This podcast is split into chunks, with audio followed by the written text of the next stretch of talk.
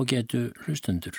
Þegar ég var strákur og fór að lesa blöðin, svona upp úr því að verða tí ára, þá fór ég að rekast í morgunblæðinu á dálitið undarlegar greinar. Stundum voru það bara lesendabref í velvaganda, en þar kynntu fulltrúar félags sem kallaði sig félag nýjalsinna, kenningar sínar og niðurstöður sem voru harla undarlegar fannst mér barninu. Þetta var mikið um draumverur einhverjar sem hefðu ímis afskipti af okkur hér í veröld hennar vakandi. Og þannig kannski sérlega vel við hæfi, hugsaði ég með mér, að píslar um þetta skildu engum byrtast í velvakanda. Nefna hvað, það rann upp fyrir mér að þessar enkenlegu draumverur virtust búa á öðrum hnöttum og það sem okkur dreymdi var með einhverjum hætti það sem fyrir þær kom þarna langt út í geimnum. Ég fór að spyrjast eitthvað fyrir um þetta og komst þá að því að þessar skrítnu skoðanir væru runnarundan rivjum jarðfræðings sem hefði heitið Helgi Péturs en var þá dáin fyrir 20-30 árum en hann hafði eignast lærisveina um þessa óneitanlega nokkuð sérkennilegu dulspeki eða guðspeki eða hvað á að kalla nýjalskenninguna. Og þótt Helgi væri horfinn af þessu tilvistar skeiði þá voru lærisveinarnir sannfærið renn og skrifuðu sem sé í morgumbladið af einn beittum huga. Ég verða viðurkenna að mér fannst strax þótt ungur væri að þessar skoðanir Helga og lærisveina hans væru engar kjánalegar og hann hlíti þess vegna að hafa verið einhvers konar kjáni. Að láta sér detta í huga það bull sem mig dreymdi til dæmis á nóttunni væru atburðir sem væru einmitt þá að koma fyrir drengi á öðrum plánetum. Nei, þetta var eiginlega einum og vittlust til að hægt væri að bera mikla virðingu fyrir því. Sama þótt trú þeirra gömlu lærisveina og meia helga sem skrifuðu í mokkan væri greinilega einlæg og hrein. En þar með var áhugin minn á nýjalsfræðum upp örin og ég nefndi satt að segja aldrei að lesa nýjalsbækurnar sem Helgi skrifaði margar og reyndust vera til hjá af og ömmu því þau höfðu bæði áhuga á draumum og dullrænu þótt ekki væri þau nýjalsinnar. En lungu setna þá komst ég að því að þótt skoðanir helga og draumum og eilíðarmálum væru kannski ekki fyrir hvern sem var, þá fór því víðs fjari að maðurinn hafi verið einhver bjáni. Mjög fjari því Helgi Péturs var í rauninni stórmerkilegur vísindamadur. Hann fættist árið 1872 Fóreldrar hans voru Pétur Pétursson, bæjargjaldkeri í Reykjavík og Anna Sigurður Vikbúsdóttir, Tórarensen, sem var pjánuleikari. Helgi hóf nám við Hafnarháskóla 1891 og lauk eh, prófi í náttúrufræði og um það leiti fór hann til Grænlands í rannsóknar leiðongur og hann lauk síðan doktorsprófi frá Hafnarháskóla 1905 og varð fyrstur Íslendinga til að taka slíkt prófi í jarðfræði. Doktorsritgerð hans fjallar um jarðfræði Íslands. Hann fór margar rannsóknarferðir um Ísland við í áratug eða meira frá 1898 til 1910 og gerði margar vísindilega röpkvötvanir og skrifaði margt sem ég hef fyrir satt að muni halda nafni hans á lofti meðal jarðfræðinga ennum sinn og uh, uh, hann mun hafa verið einna fyrstu jarðfræðingum til að átta sig á því að Ísöldin, sem menn voru þá búin að komast á snóðurum, hefði ekki verið einn samfeldur fimpulvetur heldur hefðu skipst á jökulskeið og hlýskeið. Og svo var Helgi Péturs alveg príðilegu rittvöndur burt séð frá skrifum hans um nýjalismann. Hann eh, skrifaði margt um ferðalög sín og rannsóknarferðir og í þessum þætti þá ætla ég að glukka í skrif Dr. Helga Péturs og byrja á grein sem hann skrifaði um rannsóknarferð sína að Arnarfeyri á Snæfellsnesi en síðan þá vindum við okkur með honum til Parísar.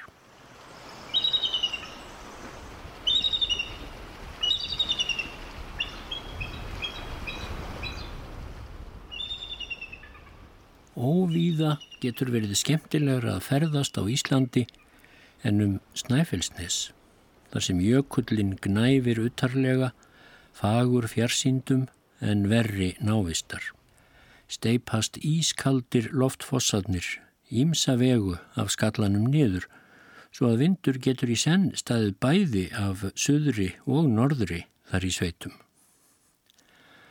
Utar en jökullin eru lóndrangar og enn utar verður hafaldan líklega ennþá vöxturlegri en annar staðar við stórsjóarstrendur Íslands og þarf ekki að setja jötun á dranginum og dífa fótum í bremið eins og manninum síndist forðum til þess að þarna sé ærið útgarðalegt um að litast. Og norðan við Snæfellsnesið er breyðifjörður sem syngur svo þungan undir í vesturlandsögunum og glift hefur suma ágæta frendur voru eins og Þorstein Surt hins baka, Þorkil Ejjólfsson og laungu síðar hinn merka Egert Ólafsson. Og að norðanverðu þykir mér nesið fróðlegast og umferðarverðast en það svip mest þar. Þar er eins og allir vita kerling sem er alls ekki ólík því sem þar hefði tröllkerling orðið að steini virkilega og einhver staðar í fellunum austar horfir jötunvaksin valur úr berglýð ofan yfir sveitirnar. Er valurinn raunar í berginu upp að hálsi og er sjálfur berg, en vel gæti þetta fyrir vakstarsakir verið einhver af hennum fornu landvættum sem orðið hefði af steini af skelvingu yfir því að sjá hvernig voru svívirtir og kúaðir þeir sem ekki voru síst ættgöfgir af Íslandingum og fremur öðru niðjar guðrúnar ósvífurstóttur og breyðfyrðinga sem eins og kunnugt er töldu kynsitt til guðana sjálfra. Það er eins og höndu djöfulsins hafi leigið þungar á snæfellsnesi en öðrum stöðum á landinu og þjakað meir en eldgós, jarðskjáltar og hafísar sem margar aðrarsveitir fengu að kenna meira á. Kúunarmerkin sem raunar eru allstaðar glögg á þessari þjóð eru hverki gleggri og skjelvilegri en á Snæfellsnessi. Þegar þess er gætt hvers konar fólk það var sem þennan útskaga áður of byggði, eins og segir í kvæðinu. Þetta er eitt af því sem spillir ánægju ferðamannsins á Snæfellsnessi, ekki síst þess sem farin er nokkuð að skilja hvað búið hefur í þessari þjóð og kvílikur barna og atgjörfis kriplinga kirkjugarður þetta land í rauninni er. Og þó hef ég lifað sumar mínar mestu gleðustundir á Snæfellsnesi, eins og kvöldið þegar við riðum ofan af tröllhálsi og allt ílt var glemt, liðið og í vændum og ekkert var til nema einhver ósegjanlega friðsæl ró og kvöldlognið og áttirinnar svo fagrar á fyrðinum speilsléttum við skuggaleg fjöllin. Og þar hef ég fundið gleði vísindamannsins þegar byrtir fyrir augum og leiðir opnast að nýjum skilningi og víðari en áður var til. Eins og þegar ég hafi verið á gangi um fjöllið fyrir ofan mávalíð og undir kvöld hugkvæmdist að fara niður á búlandshöfðagötuna en ekki sömu leið og ég hafi komið. Og er ég geng niður með gili fyrir ofan brúnina þar upp af götunni, sé ég eitthvað kvítt í brekkunni hinum einn sem mér síndist vera skelljar og ætlaði þó alltaf að trúa mínum eigin augum því þetta var nálagt 200 metrum yfir sjó. En skelljar voru það, Íshafs skelljar. Þarna var einmitt það sem þurfti til að taka af öll tvímæli um sumar þær aðtúanir sem hefja nýtt tímabil í rannsóknarsögu Íslands og hafa annars ekki til fulls verið uppgötvaður af vísindamönnum ennþá. Því eins og henn mikli náttúruspekingur Lamarck fann svo glögt og hefur komið svo vel orðum að, þá er ekki nóg sannleikanum til sigurs að uppgötvanir séu gerðar, eftir er sá erfiðleiki að einhverjir nógu vitrir og ráðvandir gerist til að uppgötva að uppgötvanir hafi verið gerðar. Svo þegar ég hafði áttað mig nokkuð á búlandshöfða og skeljunum þar og fundi þessa sjávarmyndun líka vestan í Máallíðarfjalli, þá varð mér talsverður hugur á að vita hvort hún væri ekki líka í kirkjufelli. Kirkjufell er talsvert austar á nesinu en búlandshöfði og eins og nafnið bendir til, minnir það á kirkju eða turn sem rýs meira en 500 metra upp frá sjó. Tvísvar leitaði ég í kirkjufelli án þess að finna. En í þriðja skipti fann ég skelljar, en þó lítið. Skelljarnar hafa þar ekki varðvist eins vel og í búlandshauða. Sumar hafa umbreyst svo að erfitt er að sjá að þar séu skellja leifar yfir leitt, en mjög margar sennilega horfið með öllu. Ofan á henni fornu sjávarmyndun likja meira en 300 metrar af grjóti og þessi 300 metra grjótlög sem eins og allt fjallið eru nokkur skonar skjálasapn til jarðsögu Íslands þurfti ég að skoða og ef vel væri að komast upp á fjallið. En í fyrsta skiptið sem ég reyndi var svo kvast að það lifið ekki mikið af því að ég fikk ekki og sneri ég aftur bæði af því en þó raunar nokkuð af öðrum ástæðum líka. Í annað skiptið komst ég hátt upp í fjallið en þá setti yfir þóku svo dimma að ekkert stóðaði að halda lengra. Í þriðja skiptið gaf mér alveg upp og í þeirri ferð var það sem ég kynntist svo litið örnunum í kirkjufelli og bústað þeirra. Það er greinilegra í kirkjufelli en víða annar staðar hvernig fjallið er hlaðið upp af mörgum jarðlögum, eru flestu lögin úr blágríti en á milli þeirra sandlög, leirlag með skeljum í, leirlög með rispuðum og fægðum steinum í, hafa þau lög öll áður verið laus í sér en eru nú orðin að segja má að einni steipu. Fjallið er allt með hamrabeltum og ber þar mest á blágrítinu eða grágrítinu sem sumt af því er réttar nefnt en í hillunum á milli, sem hallar oftast mikið, ber mest á malar, sand og leirgríti. Lengi vel eru litlir örðugleikar á að komast upp fjallið. Það er gengið eftir þessum hallandi hillum sem á milli hamrabeltana eru. Þanga til að gott stíi verður fyrir. Ég hafi farið langt vestur á við í fjallinu þegar ég var að skoða bergið og þyrtu líklega ekki að hafa orðið á leiðminni svo mjóar og brattar hillur að mér þætti háskasamlegt að fara eftir þeim.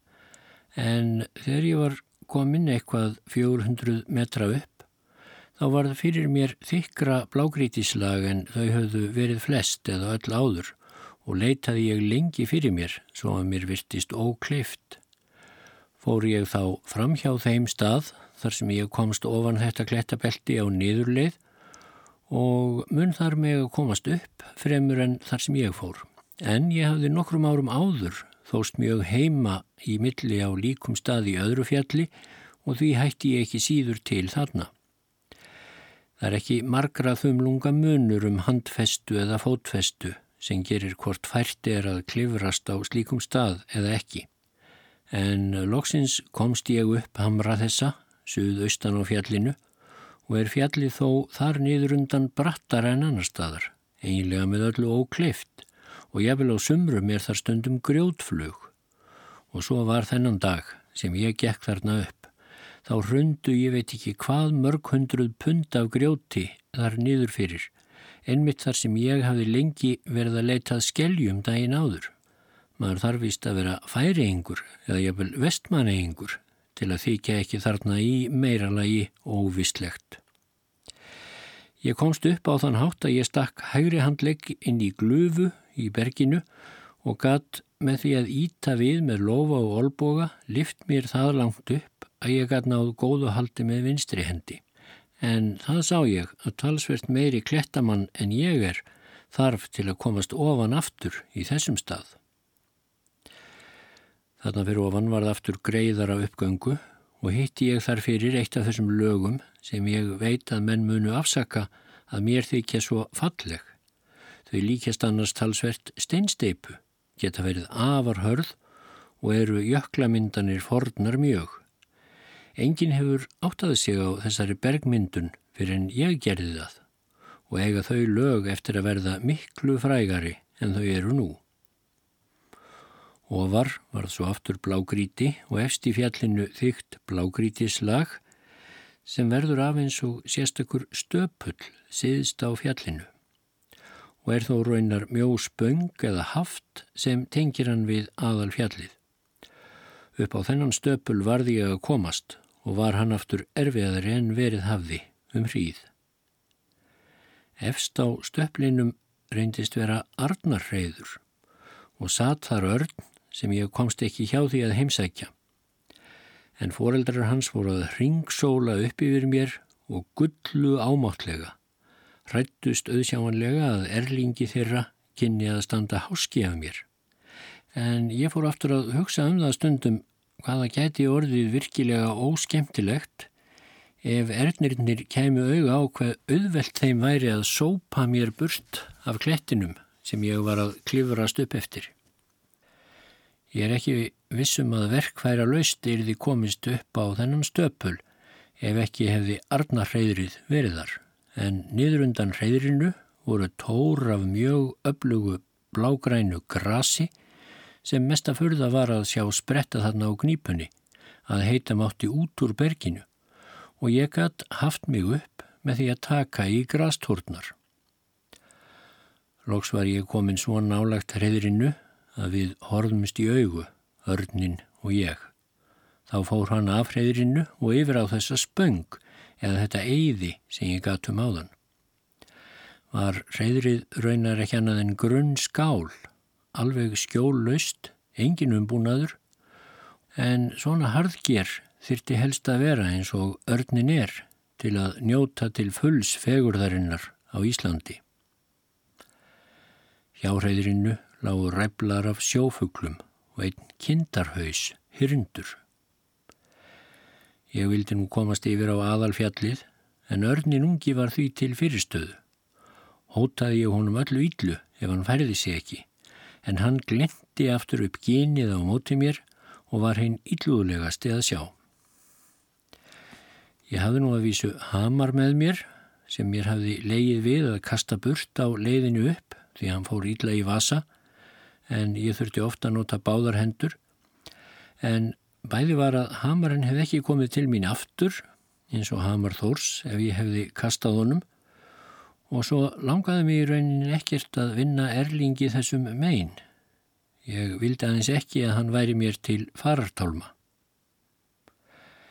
Þegar annað hreyf ekki af því sem fyrir hendi var, þá setti ég loks á hann kindarhausin og þá breytt hann loks út vangina og flög burt og settist á klett neðar í fjallinu. En mér létti nú heldur hann ekki og gekk ég svo híklaust eftir eðinu og yfir á aðal fjallið og var þá sloppin, fannst mér. Þarna uppi á fjallinu var ég stattur nærið því eins og á törnþaki. Var veður hið fegursta og skemmtilegt umhorfs en þó spilti dálitið áhyggja af því hvernig gengi að komast ofan aftur, bæði niður frá reyðrinu og þó ennfremur niður hamrabeltið sem áður er getið um, því ég hafði reynilega ekki séð nokkurn stað þar sem ég gætt farið niður. En í bíli þá horfi ég yfir breyðafjörð, yfir í ljósblá fjöllin hinum einn fjörðar, en þó miklu meira yfir snæfilsneðsið sjálft og reyndað átta mig betur á þessu landi sem ég hafi verið að rannsaka dálitið undanfarið. Gengur mér hverki eins greiðlega að hugsa eins og fjöllum uppi, síðannars veðrið nógu gott. Og hefur mér oft þótt skaði mikill hvaða langsótt er að komast upp á fjöllin og að get ekki átt heima við fjall eða á fjalli. Ég leitt svo yfir á stöðina skemmtilegt smáfjall sem hefur aðeins hálfa hæð á við kirkjufell eða valla það og er þar skelljalag í og fornar jöklamyndanir eins og í búlandshauða, hefur þetta allt verið samfast áður eins og þeir vissur endar þegar, ekkert og bjarni, þó ekki hafi landið ripnað sundur á þannhátt sem þeir heldu og eru þó að vísu afarfornar jarðskjálta sprungur þar í fjöllum. Leir og steinar undan jöklunum hefur pressast niður í þær sumar og harnað þar. Og ég horfði upp í helgrindur, fornt eldfjall, hálf hrunið og sundur grafið af jöklum og vatni. Eru þess áttar eldfjöll frá Ísöld á Íslandi hundruðum saman, þó enginn hafi áttað sig á því fyrir en ég og er þar margt fróðulegt, en eh, mun einhver tíma þykja undarlegt að jarfræðingar sem hér hafa fengist við rannsóknir skul ekki hafa þekkt hvers konar fjöll þetta eru menn trúaði aldrei eftir á hver erfitt er að færa út svið þekkingarinnar hvar sem er. Það er eins og tókað sér ímann af hinnum sem ekki sáu, þó að þeir væri sjáandi, og ekki einungis af þeim heldur af öllum þeirra andlegu frendum. Og eigðast svo mestir kraftatnir í að slíta sig fram úr alls konar miskilnings- og heimskuflækjum og bestu höfuð hafa moldu hulist án þess að hafa unnið sannleikanum nema lítinn sigur hjá þeir sem hefði getað orðið hefðu þeir sem áttu ekki ráðið svona heimskum herr. En sumir af þessum ísalda góstöðum eru þau förðuverk náttúrunnar að óvíða á jörðinni mun sjá slík og má telja víst að einhver tíma muni margir útlendir og innlendir fara að skoða önnur eins rósaverk úr blágríti súlum eins og sjást í Ketubjörgum eða Þórðarhöfða við Skagafjörð og dáliti líkt í en þó sveipminna hafði ég þá um sömarið fundið upp í fjallgarðinum fyrir ofan Eirarbótt.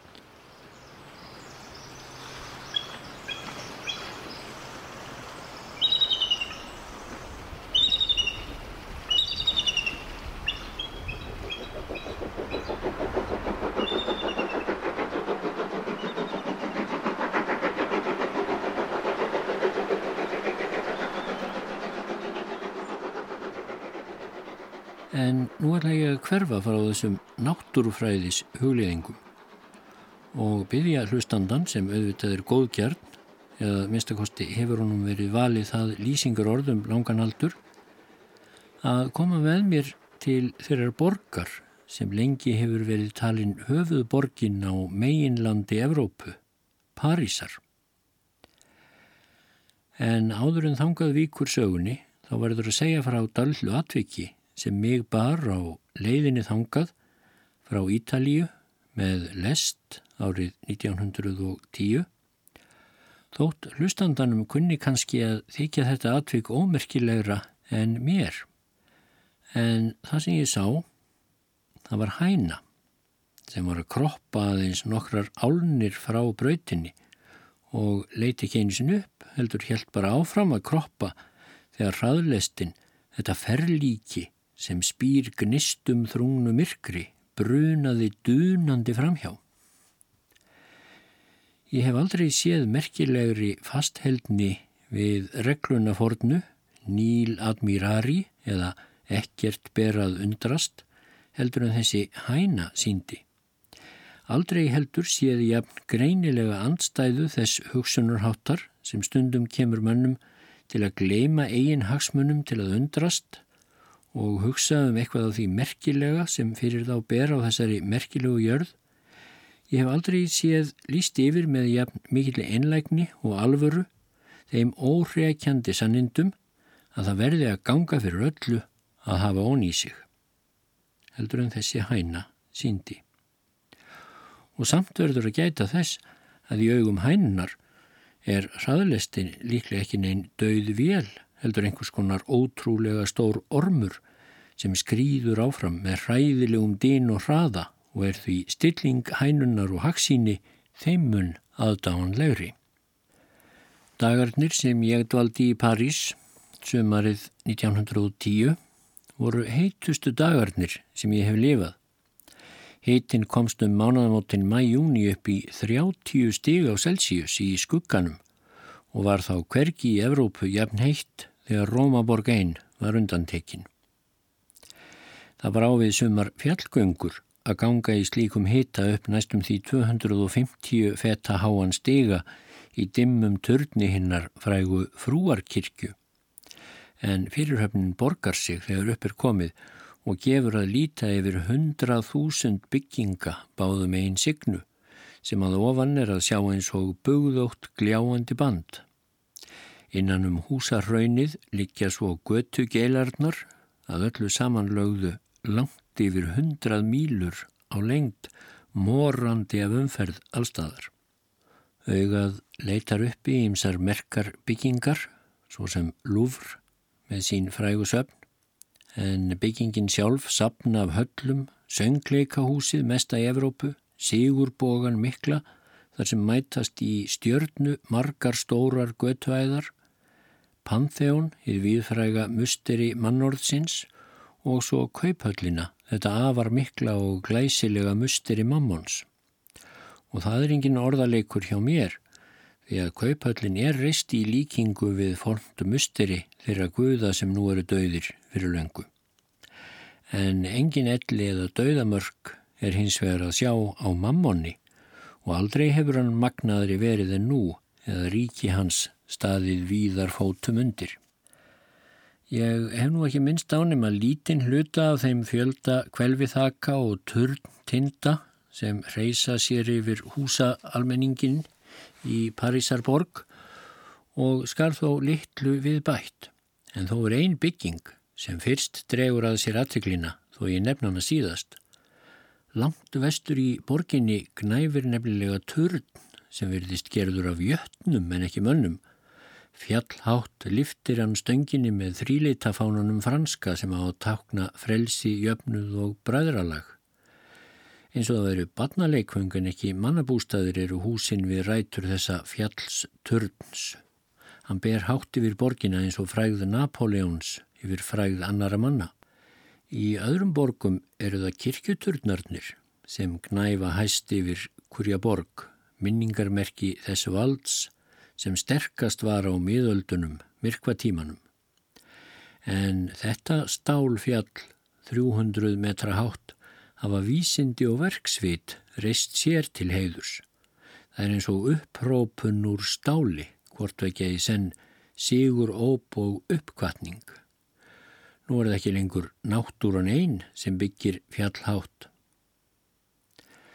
Mér varð fyrst dálitið líkt við að líta á FL-turnin eins og herðubreið. Hvort tvekja sjónin virtist í fyrstu næri ótrúleg. Herðubreið rýs svo gest til heimins og er svo turni lík að ég bjóst næri því við að sjá stöng standa upp úr henni og fána Íslands blakta yfir þessu turn fjalli þegar ég sá herðubreið í fyrsta sinn, líkt og þrýlitin hana í París yfir fjallturninum sem mennskir menn hafa reist sér til dyrðar. Ekki virtist mér umferðin í París, jafn fossandi í öllum göttum eins og í Berlín þar sem ég hafði áður verið. En þó var með köplum á þeirri leið sem auð fólkið fer til Búlonei skóarins meiri fjöldi af bifræðum en ég sá nokkur staðar í Berlín eða ég vel í Lundunum setna. Í Avenjötu Champs-Élysées sá ég einu sinni hér um byl 130 bifræðar þjóta framhjá á 5 mínútum, auk fjölda annara vagna. En vitanlega er hægt við að eitthvað misteljist þar sem bifræðarnar koma brunandi með fljúandi hraða og stundum margar í senn. Ég gengi í hægðum mínum eftir sumum fjölförnustu göttunum í París og horfi á andlitin og umferðina. Andlit manns Það er æfisaga hans, ef menn kynnu að lesa og ekki einungis hans sjálfs heldur einnig forfæðra hans. Einstöku sinnum bregður fyrir einhverju afgerfi að fegurð, karlkins eða kvennkins eða þá af ófrínileik, mönnum og konum, sveiplíkum því sem mætti hugsa sér verstu yllvirkja. En raunar er nú varlega dæmandi þarum. Það er ekki alltaf sem litur deilir kosti eins og þar stendur og það sem menn kalla ílmannlegan sveip er ofta á þeim sem finn eitthvað til. En góðmannlegur sveipur er á hinnum sem líður vel en geta þó verið ílmenni. Hvenn fólkið í París er annálað fyrir smekkvísi í látbræði og fataburði og lít fríð andlit eru þar mjög algeng, sínist mér. En vel litkuð verður þar oftast að þýða sama sem vel máluð. Þessar vel hveldu brýr, fögru kinnar og blómlegu varir, allt þetta verður maður ofta að skoða fremur sem málaðu listaverk heldur en lifandi andlit. Eitt er mjög tafsamt fyrir bókavinn sem kemur til Parísar og hefur aðeins fáa daga til að kynna sér þessa miklu borg.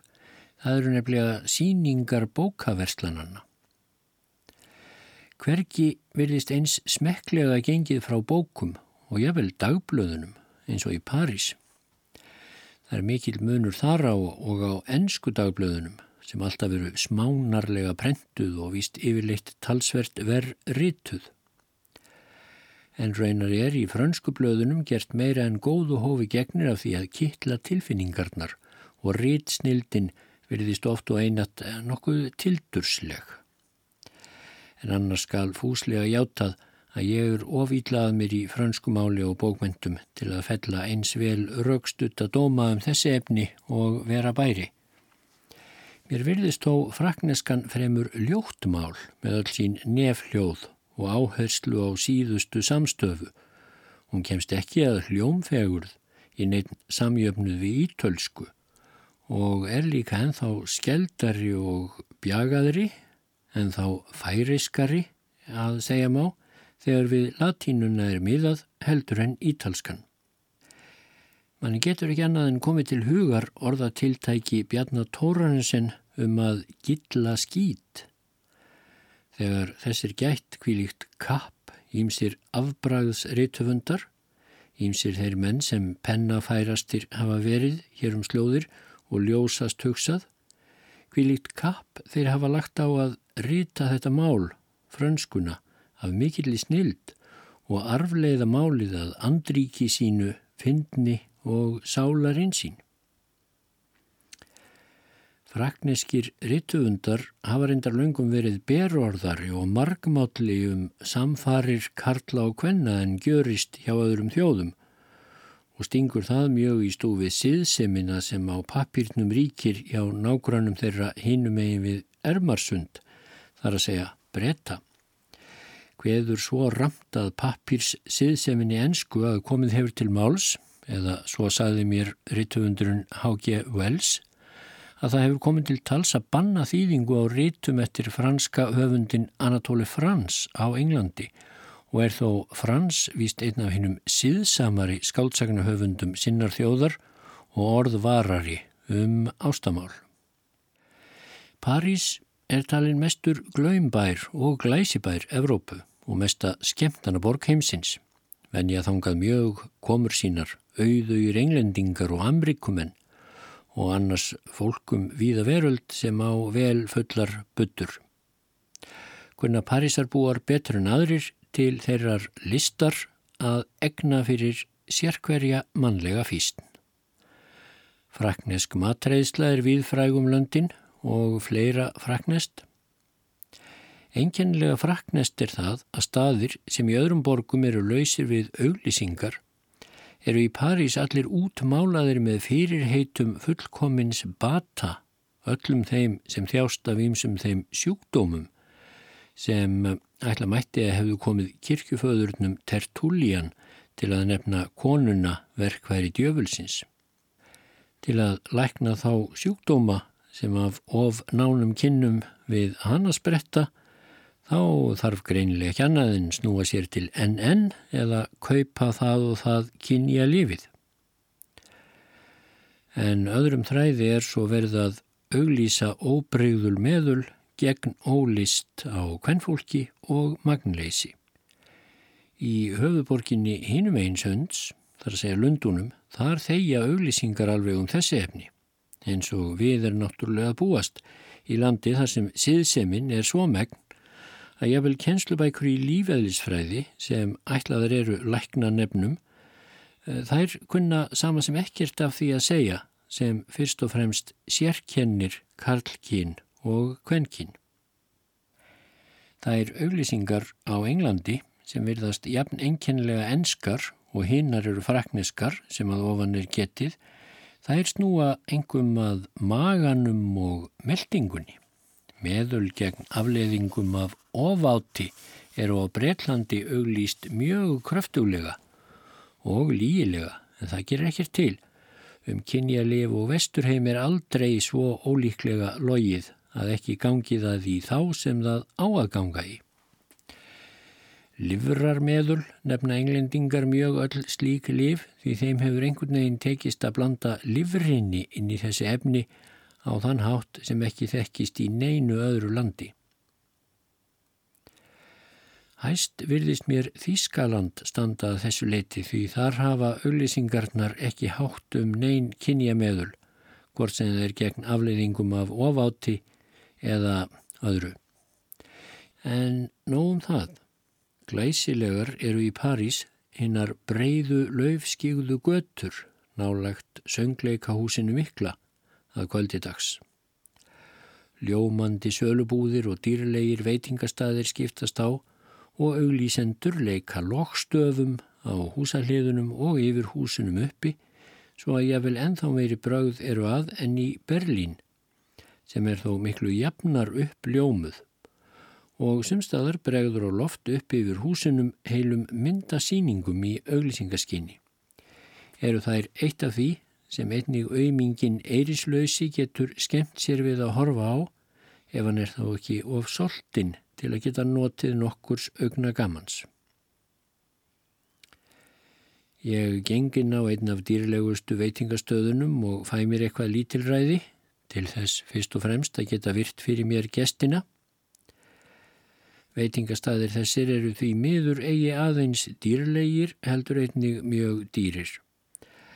En þeir sem hafa nóg í byttunni, þeir geta gengið þar inn og getið og drukkið í París eins og kongar eða ríkimaðurinn í Guðspjallinu.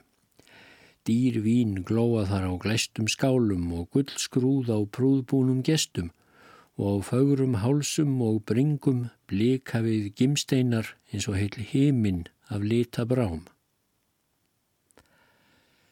Ég þykist sjá að þarna er sumt samskonar fólk og það sem ég hef orði var við á ferðinni við og við, eins og fyrir ofan mig, eins og nokkur skonar ásareið, þessi auðmanna líður sem leikur lausum hala yfir löndin og leitar upp í hvern sólskins blett þar sem sólinn skín aðeins á ríka en ekki fátæka.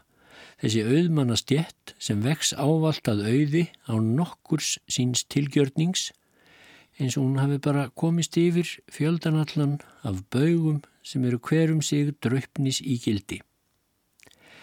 Væri etta í eins miklu metum eins og biblían þarna um slóðir, þá myndi sjálfsagt sagan um hringin draupni vera talin spádómur um gróða hringi þessara síðustu tíma. Stórborgirnar og ekki síst París brína fyrir mönnum betur en aðrir staðir þetta sem skáldið Hóras sagði fyrir 2000 árum að væri viðkvæðið í kauphöllinni í Rómaborg. Fyrst eru peningarnir, borgarar góðir og svo kemur ráðvendin. Þetta verðist mér Parísarbúar hafa lært betur en nokkur annar stórborgar líður sem ég hefa haft kynni af. Hvergi virðist gæta eins mikið þeirrar aðal reglu í viðskiptum að láta sem minnst verðmætti fyrir sem mest verð. Af þessari sömu grundvallarreglu er auðsjáhanlega risin óþryfnaður á gesthúsum sem mig förðaði mjög á þar sem ég hafði ekki rekið með á slíkt fyrr í stórbæjum í Evrópu. Fylgur munur á fyrsta gististaðnum sem ég reyndi í París og svo til dæmis gesthúsinu í München, þar sem gistingin var þó jafn dýr. Yfirleitt hallast ég á þá skoðun að frakkar muni ekki vera sérlega þrifin þjóð. En annars verður víst ekki enn sem komið er sagt um nokkra þjóð að hún sé þrifin. Það er efnafólkið sem er þrifið, almúgin er allstaðar óþrifin og veldur því mest fátækt. Á miðöldunum var heldur ekki fyrir fólkið í Evrópu mikið að hugsa um þrifnað hjá því sem nú er eða hafði verið á dögum Rómaveldis. Lífskoðun kristindómsins átti sennilega nokkur þátt í því að þryfnaður mingaði. Það gerði minnst tótt syndugt hold væri líka saurugt að mati kristina manna. Og þegar kristnir menn unnu spán aftur af Tyrkjum þá var bathúsum sem í öllum borgum hafði verið fjöldamörg til almenningsnota þeim var allstaðar lokað. Að götutripnaði stendur París mjög langt að baki, jafnvel Lundunum. Það ég nefn ekki Berlín, sem í þessu efni ber langt af öllum öðrum borgum sem ég hef komið til.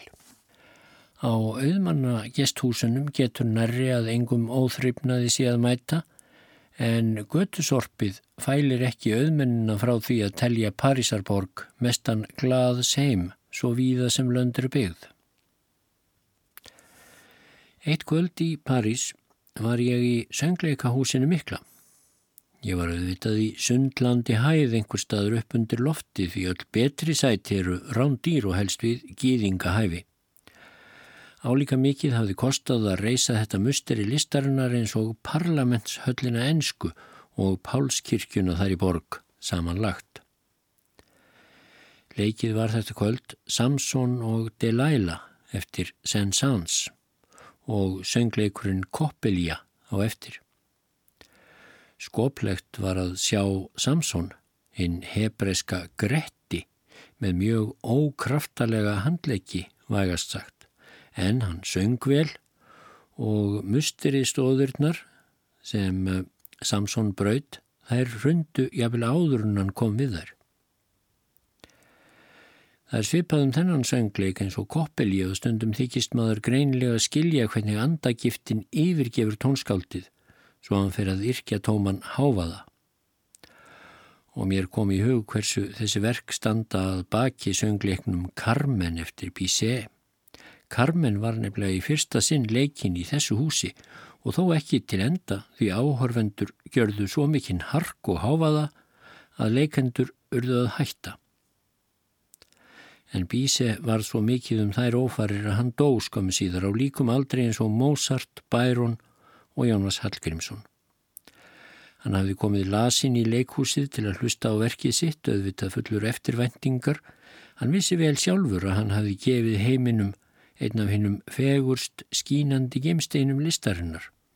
Á honum hafði tekist þetta afar sjaldgefa að skapa ódöðlegt listaverk sem orðið gæti öldnum og óbornum til nýrar gleði. Og hann bjóst eðlilega við heidri og þakklætti og þeim launum öðrum sem myndu gefa listgáfu hans byr undir báða vengi. En í staðin dundu yfir tónskaldið háðsköll og ískrandi hljóðpípur og það er ekki erfitt að skilja að þetta hrópandi ránglæti gæt dreyðan til dauða, engum þar sem hann var ekki heil undir. Fáumönnum hefur ómaklegar verið goldið en bíse og það gefur efni í óskemtilegar hugliðingar um mannlega domgrind að einmitt það almenna publikum sem hvað upp áfællistóminu yfir snildarverki bíses átti einmitt að vera það greindasta sem völmun vera á um víða veröld, fólkið í París og einmitt það fólk sem best hefði verið trúandi til að skinja hvað þarna var á ferðinni en það var öðru nær. En Carmen lifði þó að meistarinn dægi. Söngdómareinn kom því til leiðar nokkru síðar að óperan var leikin aftur og þá vannst Sigurinn sem ekki náðist hefði fyrsta kvöld í París.